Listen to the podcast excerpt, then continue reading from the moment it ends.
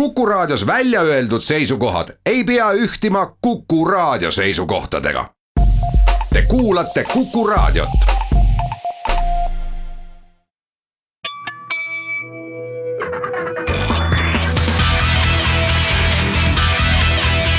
õigus ja õiglus. tere, head kuulajad siin Paides Arvamusfestivalil. mul on nii hea meel, et teid on siin nii palju ja loodan, et homme, pühapäeval, kui saade on eetris ja mõistagi ka kordusaegadel, on kuulajaid veelgi rohkem. ja nüüd, mil ilus puhkuste aeg enamikul on möödas, alustame tõsiste teemadega ja pisut ootamatult seekord räägiks poiste ja meeste õigustest ka õiguskantsleri ametis tihtipeale jõuab mu lauale selliseid kirju ja kurtmisi kus poisid tunnevad ennast koolis kehvasti ja neid kurtmisi on olnud veidi rohkem kui tütarlastelt. ja on ka meestelt selliseid kirju, kus mehed tunnevad, et neilt tahetakse justkui korraga kõike ja samas justkui arvatakse, et kui keegi peab mingis mõttes muutuma, siis ikka mees ja mitte ühiskond või naine. ja samas, et mehel on ikkagi see nii-öelda tugevama soo kohustus, aga samal ajal ei ühtki õigust. nii mõned inimesed tunnevad ja praeguse äh, Eesti poiste ja meeste õiguste teemale täna vaatakski peale. ja olen siia Paidesse arvamusfestivalile Postimehe telki palunud vestluskaaslasteks kaks väljapaistvat meest. Kristjan Port, tere. tere. ja Peeter Oja, tere Peeter. tervist. no nii, sellest ajast, kui teie alles poisid olite, on palju aega mööda läinud. mis teie arvates on muutunud poisi elus siis, kui teie olite poisid ja poisi elus täna?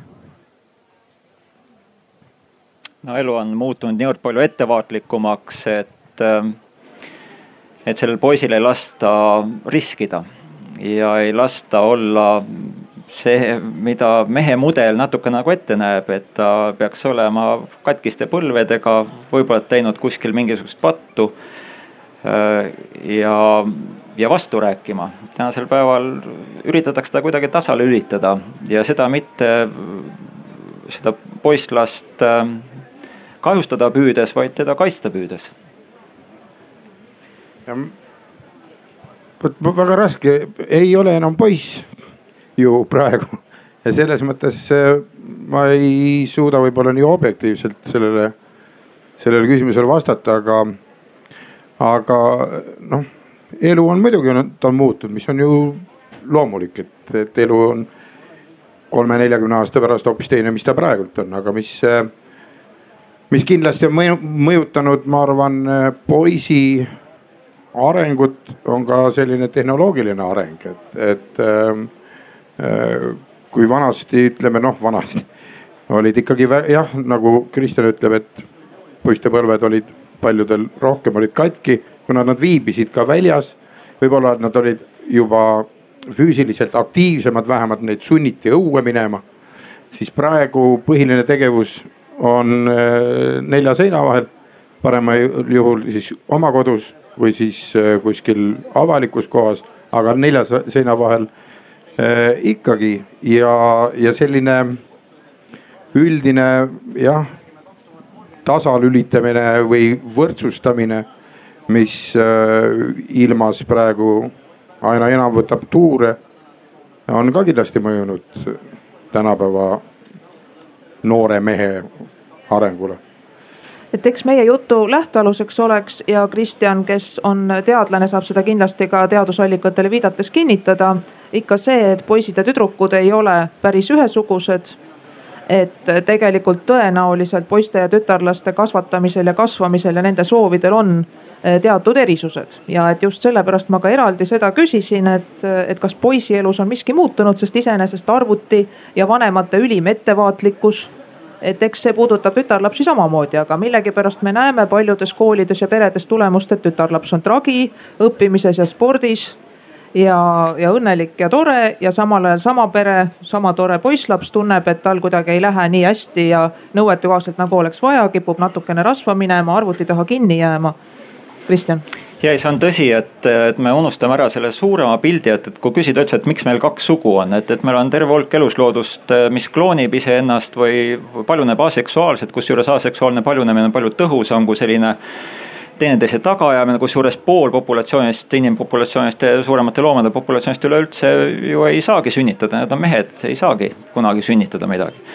Aga neid ometi on vaja, et, et, et, et kuskilt on tekkinud selline bioloogiline optimum, et on kaks sugu ja seda on väga palju uuritud ja tänaseks päevaks enam sihuke konsensuslik arusaam on, et kui loom areneb aeglaselt ja ta on suhteliselt suurt kasvu ja me oleme eriline loom, et meie aju areneb eriti aeglaselt ja kui see populatsioon on suhteliselt väike, et alla umbes kümne miljardi liikme on selles populatsioonis, siis kahesooline geneetilise materjali vahetamine ja selle kaudu siis nii natukene geneetiliste vigade kui ka sellise mm, äh, geneetilise ütleme innovatsiooni kiirendamine kahe soo poolt on, on mõistlik lahendus. ja nüüd, kui küsida, et, et kas, kas soorollid on välja mõeldud seetõttu, et jagada väärtuseid ja tööülesandeid, siis kindlasti mitte, vaid soorollid tulenevad sellest bioloogilisest kehast. ja see sooroll on siis selline tarkvaraline või kultuuriline kiht selle peal, mis üritab enamuses vastata sellele bioloogilisele kehale aga ta lahendab ka siis omavahelise suhtlemise ülesandeid ja nüüd, kui me, maailm muutub üha ütleme keerulisemaks, siis me unustame selle bioloogilise keha ära ja üha rohkem räägime sellest kultuuris olemasolevatest märkidest ja need muutuvad meile ainukeseks, mis on selline arusaadav. Ja, ja samas, kui me vaatame omaenda asukohta praegu, siis need müürid siin ja kogu see kindlus on just seetõttu, et meil on kaks sugu, üks sugu, mis peab sõda ja, ja vallutab teisi või kaitseb ennast teiste vallutamise eest ja siis mingi sugu, mis samal ajal kuskil leemet liigutas ja see ei olnud mitte sellepärast, et äh, kuskil pühakirjas see on kirja pandud, vaid see on optimeerimise tulemus. ja nüüd, kui küsida, et äh, et mis vahet on siis poistel koolis ja tüdrukutel koolis, siis ähm, naissoo kulu lapse kasvatamisel on alati suurem, sest et tema on ainuke, kes sünnitab, temas on see materjal olemas, millest see sünnib. mees võib viljastada ja kohe ära joosta. Järelikult naise investeering sellesse lapse sündi on märkimisväärselt suurem. ja aja jooksul on naises välja kujunenud palju paremini see sellise psühholoogilise, empaatilise, teise inimese tunnete lugemise võime. ja poisis on palju paremini välja kujunenud noh, kaklemise alustamise võime või emotsionaalse, impulsiivse, agressiivsuse võime ja kui nüüd kooli vaatame, siis see tüdruk oskab palju paremini aru saada, mida õpetaja temalt tahab, aga poiss on palju kergemini minemas konflikti selle õpetajaga, kui sa oled õpetaja üks kahekümne, kahekümne viie inimese peale siis sina otsid ka lõppude päeva lõpuks sellist optimumi, et kus ma pool koolnud ei oleks, vaid siis sa otsid ka, kes need parimad õpilased on, nendega teed koostööd ja need, kes ei ole parimad õpilased, need sa surud kuhugile sellisesse kasti ja sellesse kasti võid täiesti kindlalt peale kirjutada, et seal asuvad poisid, mitte tüdrukud.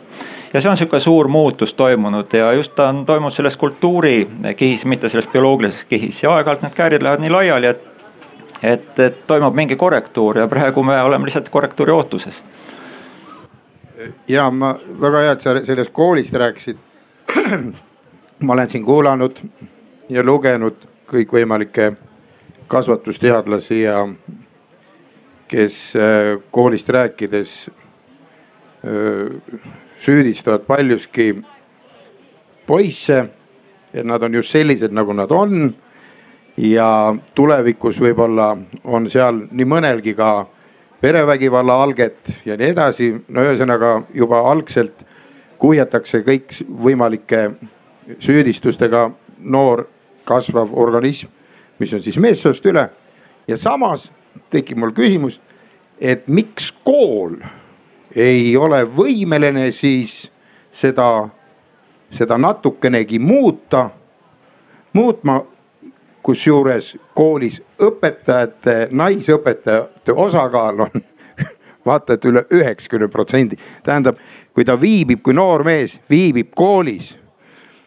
me räägime eeskujudest, et õpetaja võib olla üks suur eeskuju ja nii oma teadmiste, oma käitumiste, oma hoiakute poolest. ja ei ole suudetud seda teha. tundub, kuulates ja vaadates, tundub see konflikt nagu aina suureneb, mitte ei vähene ja siis võib-olla ei jäägi muud üle kui, kui võtta see, see strateegia, et teeme kõik tasapaksuks. et kõik on võrdsed, kõik on ühtemoodi, unustame soo, soo, sugu tähendab juba diskrimineerimist a priori.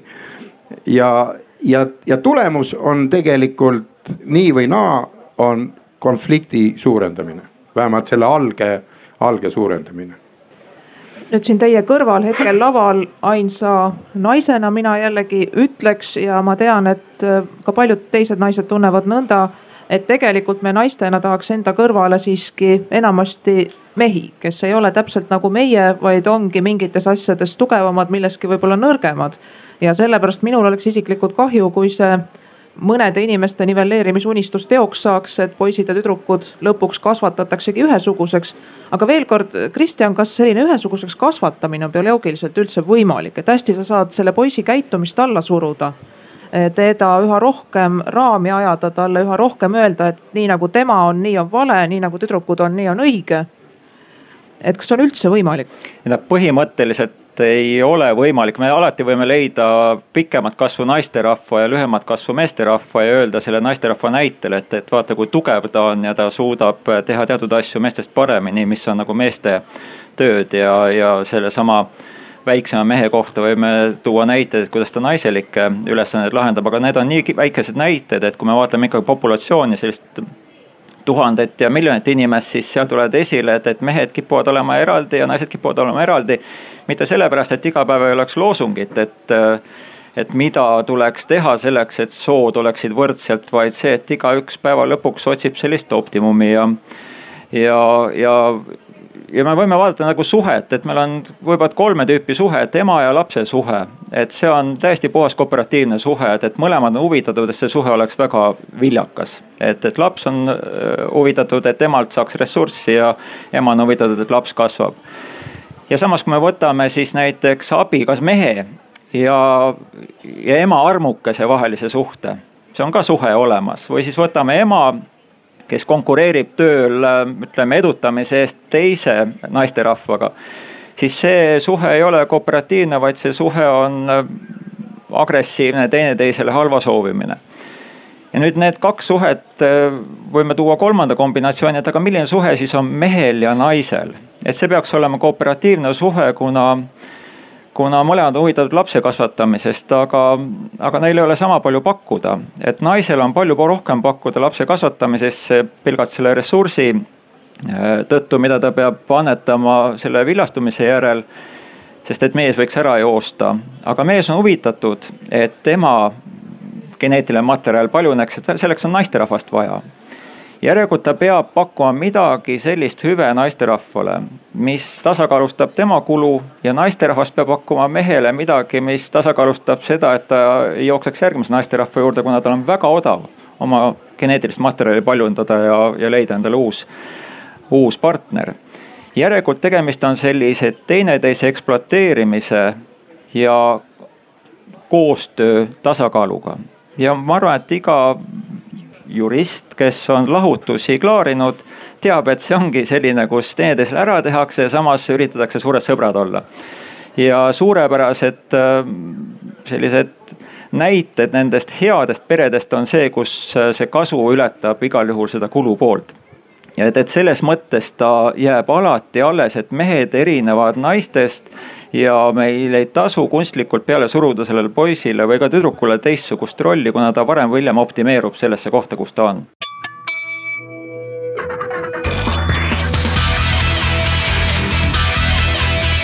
õigus ja õiglus ja läheks edasi niisuguse põneva koha pealt, et äh, väidetakse ka seda, et mehe roll, noore mehe roll ongi paljudes kohtades väga teisenenud ja just sattusin lugema artiklit, kus äh, räägiti, et näiteks Silicon Valley tüüpiline väga rikas, edukas noor mees ei huvita autodest. ei huvitu eriti naistest. ei joo veini ega õlut. ei suitseta ka mitte kalleid sigareid et ta peamiselt huvitub iseendast, lisaks oma tööle.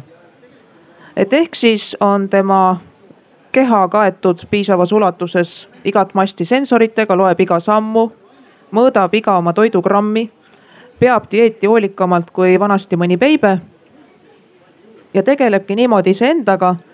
ja veelgi popim on trend üleüldse mitte süüa, vaid tarbida mingisuguseid kunstlikke segusid ja selle krooniks on ka neid inimesi, kes väidavad, et olekski väga hea, kui inimesel kaoksid igasugused tungid, igasugune soov tunda mingit füüsilist mõnu, olgu see siis seksuaalne nauding või nauding heast toidust või heast joogist et ongi parem, et siis saab inimene lähemale, noh, mõni ütleb, et masinale, mõni ütleb, et jumalale.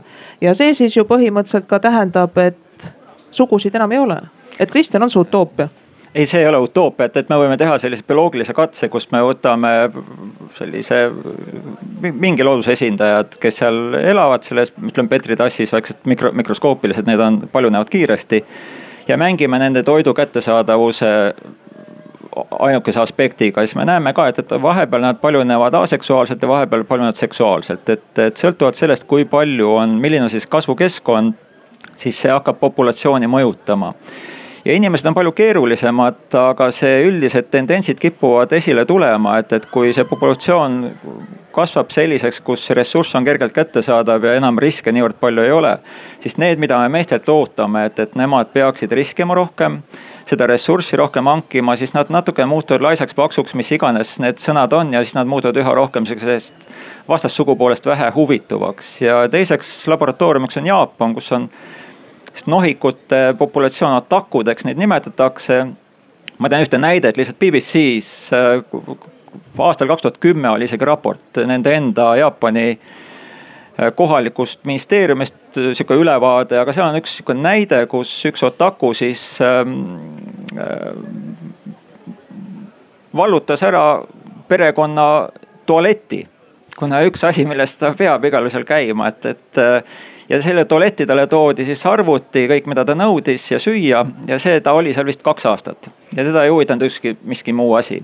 ja seda me näeme, et, et ühiskonnas teatud asjad muutuvad, et ressursi kättesaadavus tänu tehnoloogiale ressursi ja informatsiooni kättesaadavus tänu tehnoloogiale paraneb ja järelikult teatud ootused siis sellele soorollidele hakkavad muutuma. ja ega me ei oska seda seletada, aga käitumuslikult me otsime seda taaskord seda optimumi ja paistab, et osa poisse siis leiavadki, et kosmeetika on ägedam kui autod, miks ma peaksin õline ja haisema et mul on palju lahedam tegelikult rääkida kihvtidest autodest, aga miks üldse autodest rääkida, kui võiks rääkida, ma ei tea, kookidest ja, ja mingitest muudest uudest sotsiaalsetest äh, ilusatest asjadest, mida sotsiaalmeedia tekitab ja sotsiaalmeedia ju irdub sellest reaalsusest üha rohkem, et seal tekivad sellised kõlakojad, et me ise teame. Ja vot sinna siis need poisid satuvad ja minu arvates natukene haavatavamad kui tüdrukud, aga ma ei, sugugi ei julge väita, et, et tüdrukud ei oleks selles uues ühiskonnas samamoodi haavatavad, sest et poiste rolli määrab ära see, mida tüdrukud nendelt eeldavad. ja kui nad eeldavad talt sellist suurt siledust ja hästi lõhnavust, siis seda poisid teevad. no aga see, ega see ei ole ometi selline valdav sihuke. varsti on meil ka, et sa. ei no meil on küll, aga ta ei ole ju selles mõttes, et nüüd nüüd äh, ongi ette kirjutatud, et niimoodi asi läheb, eks ole. ta läheb teatud piirini, et, et jällegi me võime näha selliseid varasemalt äh, maailma ajaloost võib näha ka, kus kultuur ja see bioloogilise keha vajadused hakkavad lahkuma, käärid kasvavad. ja see korrektuur seni on alati toimunud bioloogia kasuks, et kultuuris toimuvad muutused. sellest, et juhul kui bioloogia jätkab peab sedasama kultuuri tolereerima, siis ta sureb välja ja nüüd, kui me vaatame, siis arenenud ühiskonna üheks tunnuseks on iibelangus. kõik arenenud ühiskonnad, see ütleme, see põhirahvamass ei taastooda iseennast ja võtad arengumaad, seal on neli-viis viis last perekonnas äh, ja hoopis äh, jõulisemalt kasvavad. see oleks huvitav tegelikult, ma praegu hakkasin mõtlema, et kahju, et vaevalt ma elan veel mingi kuuskümmend aastat või. noh, kõike võib olla, kui on selline karm saatus, siis tuleb elada, aga aga ütleme kuuekümne aasta pärast, kui need koogisööjad, ümarad koogisööjad saavad äh, sellise pensioniikka jõuavad ja neid saab hästi palju olema. ja justkui iive muudkui langeb ja langeb, kas nad siis, kas nende huulilt võib kosta küsimus, et kus me nüüd oleme, mis, mis nüüd edasi saab. Jah, ja sellele Jaapanis, nendes, kus iibe kordaja, iibe kordaja peaks olema natuke üle kahe koma ühe, ütleme kuskil kaks koma üks, see on isa eest laps ja ema eest laps. ja siis natuke neid lapsi sinna peale, keda võib-olla sõda ja haigused ja mis võtavad inimestelt võimaluse last, lapsi toota, et see on siis populatsiooni taastootmiseks vajalik tase. Jaapanis on ta kuskil üks koma kolm võib-olla, et, et, et igal juhul nad ei taastooda iseennast ja Jaapan ei luba endale immigrante ja selle asemel nad otsustasid nüüd pea kümmekond aastat tagasi, et me panustame tegelikult robotitesse. ja siis sa näed, et robot on inimese surrogaat, me väga kergelt võtame selle Tamagotši ja hingestame teda ja anname talle süüa ja mõtleme tema peale päris palju. ja vanadekodudes ongi juba sellised hülgelaadsed sihukesed beebid, beebiloidid, mis niutsuvad reageerivad empaatilistele sõnadele, nad oskavad aru saada, mida see inimene tahab ja ega inimene on päris kergesti petetav ja siis sa oled siis sa näed teist huvitavat protsessi, see on kunst, kunstviljastamine et, et selle asemel, et seda vastassugu taga ajada, see on jube kulukas, tegelikult vaatame katseklaasist, kui palju me, mis sugu ja milliseid äh, töömesilasi me toodame. Ja siis me näeme neid mikrokogukondi, kus enam-vähem midagi sarnast on maailmas juba tehtud. Need on, ongi mesilased, sipelgad ja nii edasi no siit me läheks võib-olla nendelt pisut utopistlikuna näivatelt radadelt maisematele radadele tagasi. sest äh, noh, ega me ju keegi ei tea ette, kuidas asjad lähevad, aga siiani ja seda on ka mõlemad vestluskaaslased maininud, on ju asjad kulgenud nii, et ikka oleme siin mehed ja naised ja, ja et ikkagi on need bioloogilised vajadused, soovid, ihad säilinud.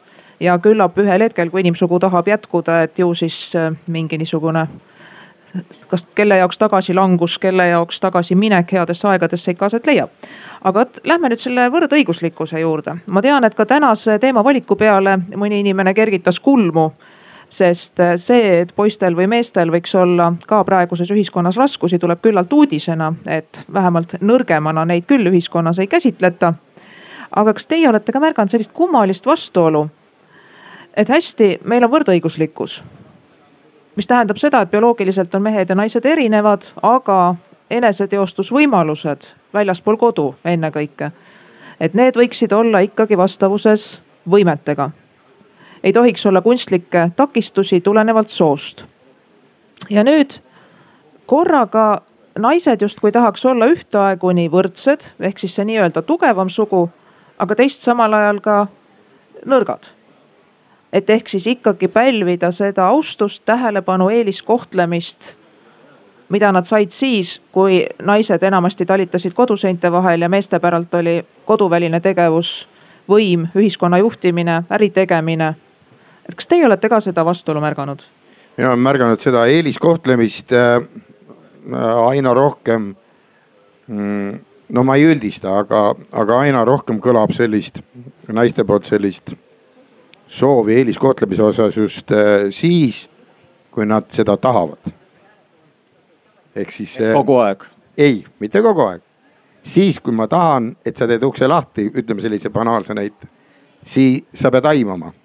aga kui sa teed ukse lahti siis, kui ma ei taha, siis on ahistamine tähendab kuidagi niimoodi, mul on, mul on aina rohkem jäänud mulje. ehk see naiselikkuse sihuke bipolaarsus säilub või ettearvamatus, mis, mis mehe jaoks on väga raske aru saada, aga naine ja. saaks kohe aru, et kuule, et ega ma sain oma õest aru küll, mida ta tahtis, kas tuleks ust avada või mitte, aga see jääbki meie jaoks selliseks igaveseks dilemmaks. kui ma reisi peal näiteks, kui reisi peal oled, ma, ma arvan, et võib-olla on palju märganud eh,. kuidas tunneb ära Vene meesturisti ta kannab naise käekotti igas olukorras. kui tänaval tuleb näiteks kuskil Pariisis vastu mees, mees ja naine ja mehel on naise käekott, siis nad on venelased. aga see on nendes mõttes on see ju, see on viisakus, see on hoolivus, eks ole. aga, aga tähendab, mina olen, mina ise olen kogu aeg no muidugi see tundub selline kohati lausa koomiline, kui, kui selline nii-öelda üle võlli võrdõiguslikkuse eest äh, võitlemine käib, et, et minu jaoks, minu isiklikult minu jaoks on kõige olulisem ikkagi inimene kui selline. et meil on erisood, see on päevselge ja me oleme erinevad, aga, aga see inimlik element on selle võrdõiguslikkuse tagaajamisel, see on nagu muutunud sekundaarseks. see, see on minu meelest väga oluline, et see püsiks see aitab kaasa nii mõistmisele, märkamisele, hoolimisele, sõltumata soost.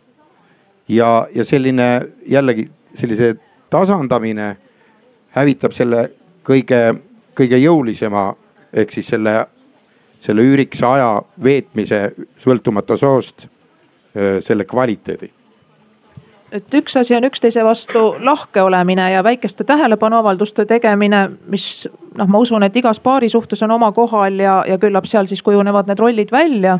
et kuidas on võimalik teisele tähelepanu ja hellust ja tuge pakkuda. aga kui me nüüd liigume töömaailma, siis äh, mina olen märganud mõnevõrra, kas seda vastuolu, et ühelt poolt naised sooviksid, et eeldatakse, et nad on niisama targad ja tegelikult vähemalt minule tundub, et vaimsete võimete poolest äh, vast ongi. kui on mehed, naised sooviks, et neile võiks usaldada sama raskeid ja vastutusrikkaid ameteid. samavõrd riski võtmist ja vastutamist eeldavaid ameteid.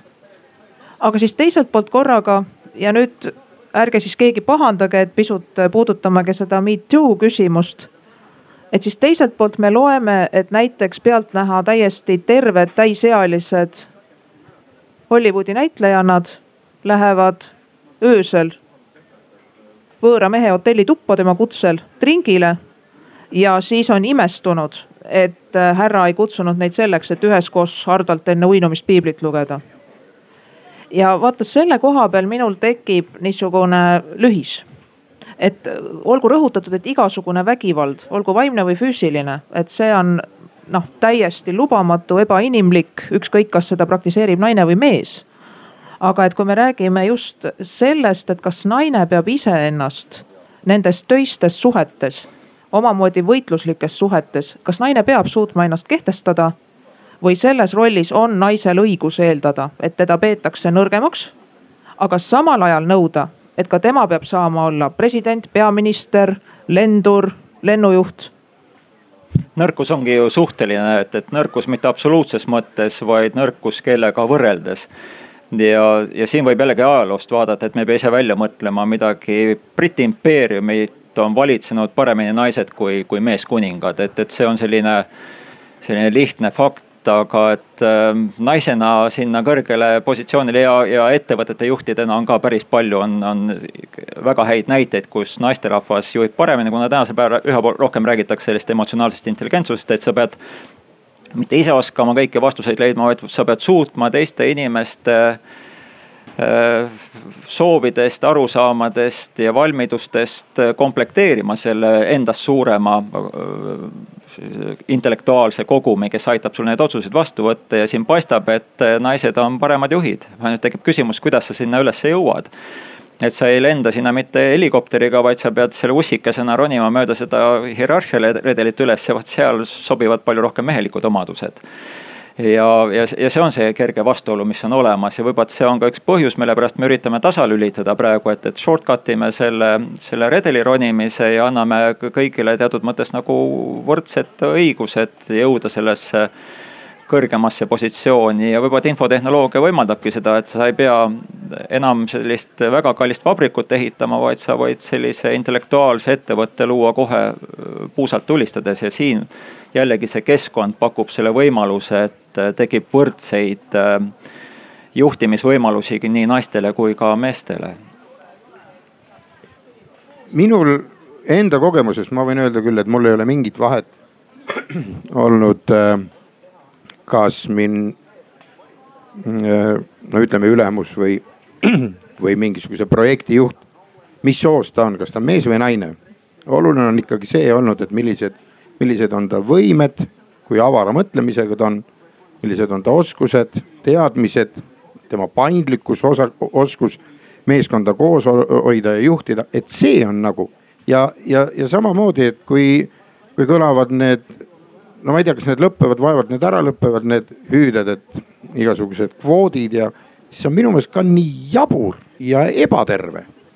et äh, ikkagi, no see on nii leierdatud teema samas ju ka, et noh, et, et äh, ikkagi tuleks võtta selle järgi, mis on inimese oskused, mis on tema võimed ja sugu on absoluutselt sekundaarne sellisel, sellisel juhul. teise ajaloolise näite tuua, kibutsid, mis on siis äh Iisraelis enne riigi loomist sellised äh, põllumajanduslikud kogukonnad, kus täiesti teadlikult otsustati sajast konnast kuni tuhande inimeseni, kus öeldi, et täpselt samasugused soojangud, täpselt samad riided, poisid võivad olla nagu tüdrukud, tüdrukud võivad olla nagu poisid.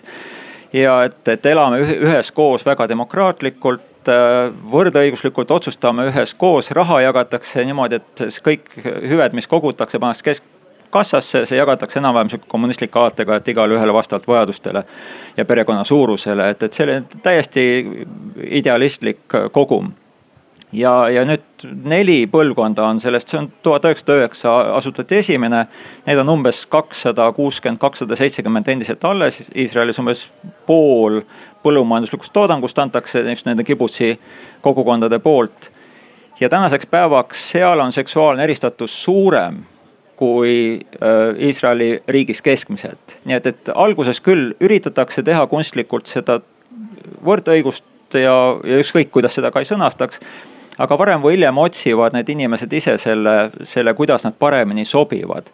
ja Golda Meir on enam-vähem suur Iisraeli juht, naisjuht, on enam-vähem sama taustaga, et, et see võimaldab ka sõjaväelises äh, hierarhias päris kõrgele tõusta.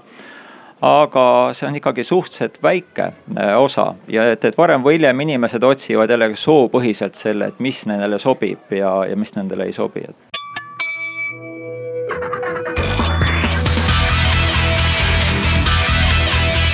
õigus ja õiglus. jätkame saadet Paidest, oleme Arvamusfestivalil, sellepärast ka tavapärasest suurem sumin, mis reedab, et meid on tulnud kuulama siin väga palju inimesi ja töö käib ka kõrvaltelkides arutame täna poiste ja meeste õigusi, küsime selle järele, et kas võib juhtuda, et tehnoloogia arengu käigus sood kuidagi tasanduvad, erisused vähenevad või tegelikult jääme ikka meesteks ja naisteks. ja oleme siin kolmekesi, Kristjan Port, Peeter Oja ja Ülle Madise. jõudsime ühiselt järeldusele, tõenäoliselt seda olukorda, kus sood kaoksid ja hakataks paljunema tehnoloogilisel teel ja võib-olla sööma hoopiski mingeid äh, toidu aseaineid, millel pole ei maitset ega värvi, aga noh, kuidagi toidab. ja et õnnestuks tagasi lülitada kõik inimlikud ihad ja soovid, mis inimesest tõenäoliselt inimese teevad, et tõenäoliselt seda ei juhtu et tõenäoliselt tuleks poistel lubada koolis olla poisid, mis ei tähenda seda, et peaks tolereerima ebaõiglast vägivalda ja jätma sootuks äh, poisslapsed kasvatamata, et ei, nii nagu tütarlapsi, nii ka poisslapsi ikka tuleks ju kasvatada vaimus, et teise inimese tunnetest tuleb hoolida, teisele ei tohi haiget teha ei sõna ega teoga. ja jõudsime põgusalt puudutada ka siis seda noh, Me Too juhtumit, mis on üks väga-väga keeruline lugu, sellepärast et igasugune vägivald peab olema välistatud ja ka inimese panek olukorda, kus tal enam ei ole väljapääsu ja ta peab olema alandatud situatsioonis on taunitav ja lubamatu. aga naisena söandasin öelda, et tegelikult ma arvan, et naised peaksid püüdma olla ka ise tugevamad et vahel pole võimalik, siis tuleb abi otsida. aga üldiselt, kui naine tahab olla president, peaminister, ärijuht, oluline arst, kes teeb raskeid raviotsuseid ja naine soovib, et teda usaldataks emana kodus ja väljaspool siis tõsise ja raske töö tegijana, et siis tegelikult naissool tuleb endal ka ikkagi natukene oma väärikuse eest ise hea seista ja võib-olla siin mitte eeldada, et, et mehed loevad nende mõtteid viisil, mida nemad õigeks peavad. aga läheme nüüd võib-olla spordi juurde. et praegu ju võisteldakse jätkuvalt meeste ja naiste kategooriates aga kui me räägime bioloogiast ja arvestame seda, et igapäevaselt jahil ei tule käia, nelikümmend viis kilomeetrit keskmiselt läbi joosta ei ole vaja selleks, et söögipoolist saada. et siis kas on näha, et kuidagi kehalised võimed hakkavad ühtlustuma ja kas ühel hetkel võib olla võimalik, et mehed ja naised võistlevad ka spordis koos?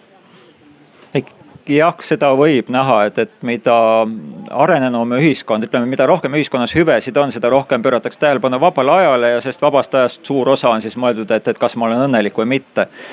ja üheks väljenduseks ongi mäng ja mängu üheks väljenduseks on siis sportimine, võistlemine võidu peale. ja selles mõttes äh, varem on seda sportimist, kui me läheme lihtsalt ajaloos tagasi, et äh, seda sportimist käsitletud ikkagi vägagi palju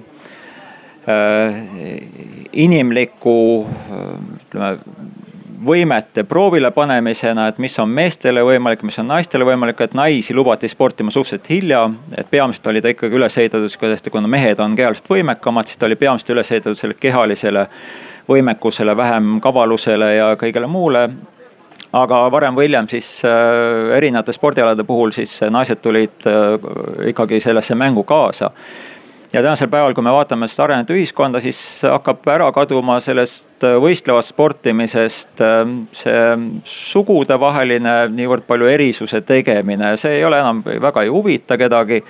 Poliitika on osaliselt alles, kuna sport on relvadeta sõda, et millist, millist riiki saab paremini käsitleda ja nüüd, äh, kui, kui tulla siis kaasaegse mängu juurde, siis me näeme, et tehniliste vahenditega terve hulk spordialasid on sellised, kus äh, mehed ja naised saavad suhteliselt võrdselt võistelda, et, et vibu laskmisest erinevate selliste tehnilisi vahendeid kasutavate spordialadeni välja. aga jällegi varem või hiljem me jõuame selle äratundmiseni, et äh, et kuskil on ühed, kes on väga jõulised ja kuskil on ühed, kes on väga graatsilised ja neid me ei tahaks kuidagi segi ajada, kuna siis tundub kuidagi imelik. aga siis ju näide, et äh, mida me varem ka rääkisime, Kaster Semenja, kes on kuulnud, on kaheksa meetri jooksja, naiste äh, ütleme naiste võistlusest peaks osa võtma, aga naised temaga väga võistelda ei taha, sest et ta on sihuke mehelik ja võidab neid alati. ja mehed äh, ei ole temaga huvitatud või tema ei ole meestega võistlemist huvitatud, kuna ta on natuke nõrgem neist. ja temas, äh, ta keelati võistlemine ära aastaid tagasi Rahvusvahelise Kergejõustikuliidu poolt just seetõttu, et, et me ei tea, mis soost sa oled. no et, et ega ja poolteist aastat uuriti, saunas oled poolteist aastat, peaks kindlaks tegema, kas tegemist naise või mehega aga ometi ei suudetud seda kindlaks teha ja siis öeldi, et aga me vaatame sinu testosterooni taset ainult. ainukene asi, mis siis eristab sugu, testosterooni tase. ja see vaieldi siis kohtus läbi ja tuleb välja, et see selline arbitraarne või ütleme juhuslik äh, tase ei saa määrata sugu. ja nüüd on ta olemas siis võistlemas ja, ja nüüd üha rohkem räägitakse sellest, et on tekkimas õige pea selline kolmas võistlusklass, kus on puhas meesteklass, puhas naisteklass ja siis on see interseksuaalne ehk sugudevaheline klass ja bioloogias tulebki välja, et on terve hulk mehelikke naisi, kes, kelle esinemissagedus spordipraktikas, eriti jõulistel aladel, on märkimisväärselt kordades kõrgem kui populatsioonis üldiselt ja kas me siis ütleme, et aga teie ei või võistelda? Ja ei, me ütleme, et te võite vabalt võistelda, aga mitte meeste ega naistena. Ja siis räägitakse tänasel hetkel, et umbes kümne, võib-olla viieteist, kahekümne aasta pärast on meil see interseksuaalne klass olemas ja võib-olla siis tehniliste vahendite tõttu lisandub sinna veel teisi mängijaid ka ja uusi sportimise viise, et see on see. tähendab kolm, äh, selline kolmas klass tuleb variatsioonidega. kolmas klass variatsioonidega, et, et et see on selles mõttes mehi,. mehine roosa kleidiga, et, et. et selles mõttes, mida aeg edasi, seda, seda vähem ma selline spordilemb olen. noh, ma mõtlen just vaatajana. aga sellegipoolest ma pean küll tunnistama, et et äh, meeste sport, kui üldse vaadata, mind tõmbab palju rohkem kui näiteks ütleme jalgpall. ma ei vaata naiste jalgpalli, minu meelest see on igav, nad ei ole, aga kui tuleb see kolmas klass, vot seda ma vaatan kindlasti.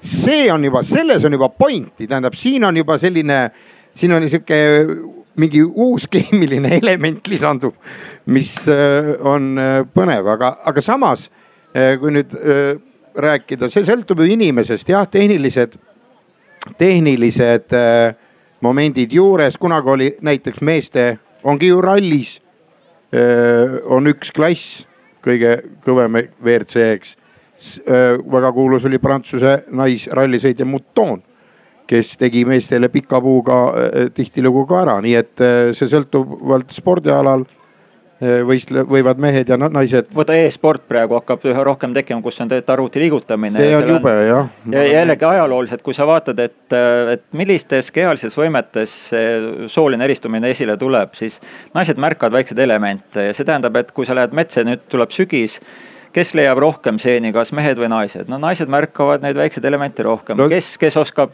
täpsemalt visata, mehed oskavad täpsemalt visata ja vot. kui me nüüd võtame arvuti siia, paneme selleks, ütleme staadioniks, siis vahet enam ei ole, et pigem isegi naised on kibedamad. no see muidugi sõltub, mul tuleb meelde sellega Olavi Ruitlase üks raamat, ma ei mäleta, mis ta pealkiri oli, kus ta, kus ta läks koos naisega kalale. metsa ja kalale aga kuna naine ei olnud eriti looduse sõber, siis ta komistas ja kukkus ja, ja mis temaga juhtus, et peaaegu üks oks oleks silmavälja torganud. ja siis Ruitlane tegi järelduse, et oli, naine oli tal looduses nii võõrdunud, et isegi loodus ei võtnud teda vastu enam peaaegu olemegi oma saatega lõpuni jõudnud, aga sporditeemat ei toonud ma sisse juhuslikult ja mul oli väga hea meel, et me jõudsime vestluses selleni, et mitmed tehnoloogiaga seotud alad, kus füüsis, pikkus, kopsumaht ja muu taoline ei ole enam nii oluline, on võrdsustanud meeste ja naiste võimalusi ja nüüd, kui meie jutt on paljuski läinud ühes suunas, siis vastukaaluks üks jõuline aktsent teises suunas. et ehk siis võib oletada, et küllap tahavad mehed ühel hetkel et neid eraldi klassiga tegelikult naiste konkurentsi eest kaitstakse. sest äh, ka islamiusu kohta olen näiteks lugenud ühe tuntud Iraani diplomaadi kirjatükki Foreign Affairs'is vist oli mõni aasta tagasi, kus ta ütleski, et niisugune meeste ja naiste rollide karm eristamine on paljus meeste kaitseks. et naised ei tuleks nendega väljaspool kodu võimu ja töökohtade pärast konkureerima ja kas ei või juhtuda sama asi tegelikult ka spordis, kui siin füüsiline kehaehitus enam niisugust äh, eelist ei anna. et ehk siis üks võimalus, et on niisugused klaaslaed, erinevad pealesurutud soorollid, tugevam sugu ehk siis mees, nõrgem sugu ehk siis naine et üks põhjus, miks selline mäng ja rollijaotus sisse on seatud, äkki ongi see, et mehed tahavad sellisel viisil ennast lihtsalt kaitsta. ja naistele kui väga tarkadele inimestele on see ka meeltmööda, sest nemad tahavad, et mehed oleks rõõmsad jah, aga üheks näiteks on, võib-olla paljud on näinud seda dokumentaalfilmi, kus need olid siis Rootsi mehed, sellised neljakümne, viiekümne aastased otsustasid kujundujumisega tegeleda, et.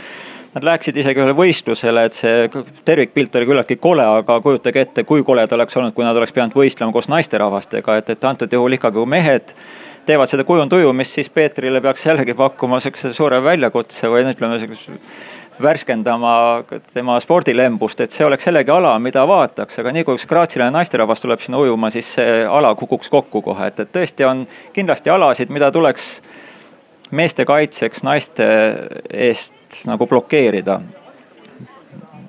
ja noh, naised tungivad ise meeste alale, et, et poks ja teivashüpe. on näiteks väga huvitav naiste tõstmine. on tekkinud juba ammu. see on ammu jah, jah. seda sa vaatad seda ma ikka vaatan, vaatan, kas see on võimalik ja siis kuna televiisorit ma pilt silma nägemine on enam-vähem, siis ma järeldan, et see on võimalik. ja minul on hea meel, et me lõpetame rõõmsal noodil, sest teema on tegelikult tõsine ja võtakski ehk siis mõtted kokku nii, et osakem enda kõrval nii poisse kui tüdrukuid näha, nende eripära arvestada. Neid mitte suruda liigselt neile mittesobivatesse raamidesse, andmele andkem kõikidele võimalus saada iseenda parimaks versiooniks ja inimene on inimene. nii et suur aitäh kõigile, kes te siin Paides Arvamusfestivalil olete meie telgi ümber kogunenud, teid on tõesti palju ja see teeb väga palju rõõmu. suur aitäh, Peeter Oja ja Kristjan Port neid tarku mõtteid jagamast. sügishooaeg algab, kuulmiseni tuleval nädalal.